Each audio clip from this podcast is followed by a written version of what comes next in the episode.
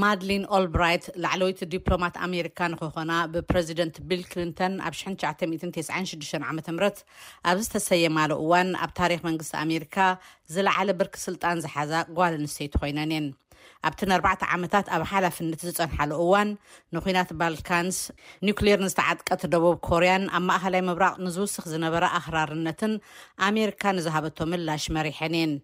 ንሕማም ካንሰር ክቃለሳ ድሕሪ ምጽናሕ ትማሊ ረቡዕ ብስድራቤተን ተኸቢበን ዝዓረፋ ማድሊን ኦልብራይት ሞተን ምስ ተሰምዐ ነዘን ማዳም ሴክረታሪ ብዝብል ስም ዝፍለጣ ጓል ኣንስተይቲ ካብ ዙርያ ዓለም ናይ ክብሪ መልእኽትታት ውሒዝለን እዩ።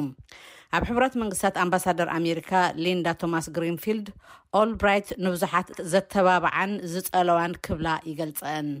She was a trailblazer and a luminary and she was the first woman to serve as Secretary of State. ፈልፋሊት ሓደስቲ ሓሳባት ጸላዊትን ኣተባባዒትን እየን ነይረን። ፈላመይቲ ጓል ኣንስተይቲ ጸሓፊት ጉዳያት ወጻኢ ኣሜሪካ ኮይነን እውን ዘገልገላ እየን። ኣብ ዓለምን ሕቡራት መንግስታትን ዘይሃስስ ኣሰር እየን ገዲፈን። ብዝሃብኦ ኣገልግሎት ሃገርናን ሕቡራት መንግስታትን ተጠናኺሮም እዮም ኢለን ኣሎ ኣምባሳደር ሊንዳ ቶማስ ግሪንፊልድ። ህይወት ማድሊን ኦልብራይት ኣብ ታሪኽ ወዲ ሰብ በቲ ዝኸፍእ ፍጻሜ ዝተቐርጸ እዩ። ኣብ ፕራግ ቼኮዝሎቫኪያ ኣብ 1937 ዓ ም ዝተወልዳ ማድሊን ኦልብራይት እታ ሃገር ብ1939 ዓ ም ብናዚ ምስ ተታሕዘት ስድረአን ካብታ ሃገር ሃዲሞም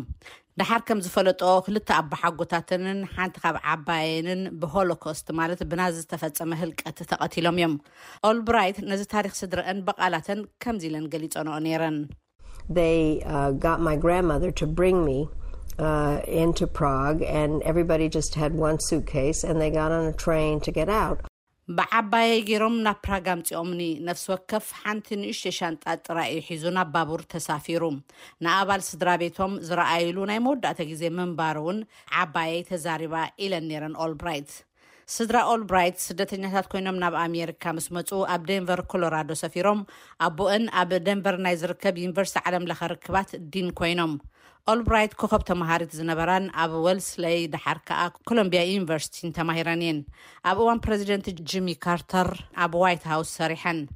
ኣብ እዋን ፕረዚደንት ቢል ክሊንተን ጸሓፊት ጉዳይ ወጻኢ ኣሜሪካ ቅድሚ ምዃነን ከኣ ኣብ ሕቡራት መንግስታት ናይ ኣሜሪካ ኣምባሳደር ኮይነን ኣገልጊለን እየን። እዚ ናይ ዲፕሎማሲ ስርሐን ኣብ ዓለም ክዞራ ዘኽኣለንን ንቕልውላው ኤድስ ኣብ ኣፍሪቃ ዘርኣየንን እዩ ነይሩ። ፕረዚደንት ባይደን ናብ ኣሜሪካ ንዝሃድሙ ስደተኛታት ዘይትሕለል ተቓላሲት እያ ነይራ ክብሉ ይዝክርወን። ኣሜሪካ ንዲሞክራሲን ሰብኣዊ መሰላትን ካብ ኦልብራይት ንላዕሊ ዝተወፈየ የብላን ክብሉ እውን ገሊፆመን ኣለዉ። ባይደን ባንዴራ ኣሜሪካ ንክብሪ ማድሊን ኦልብራይት ትሕት ኢሉ ክምብልበል እውን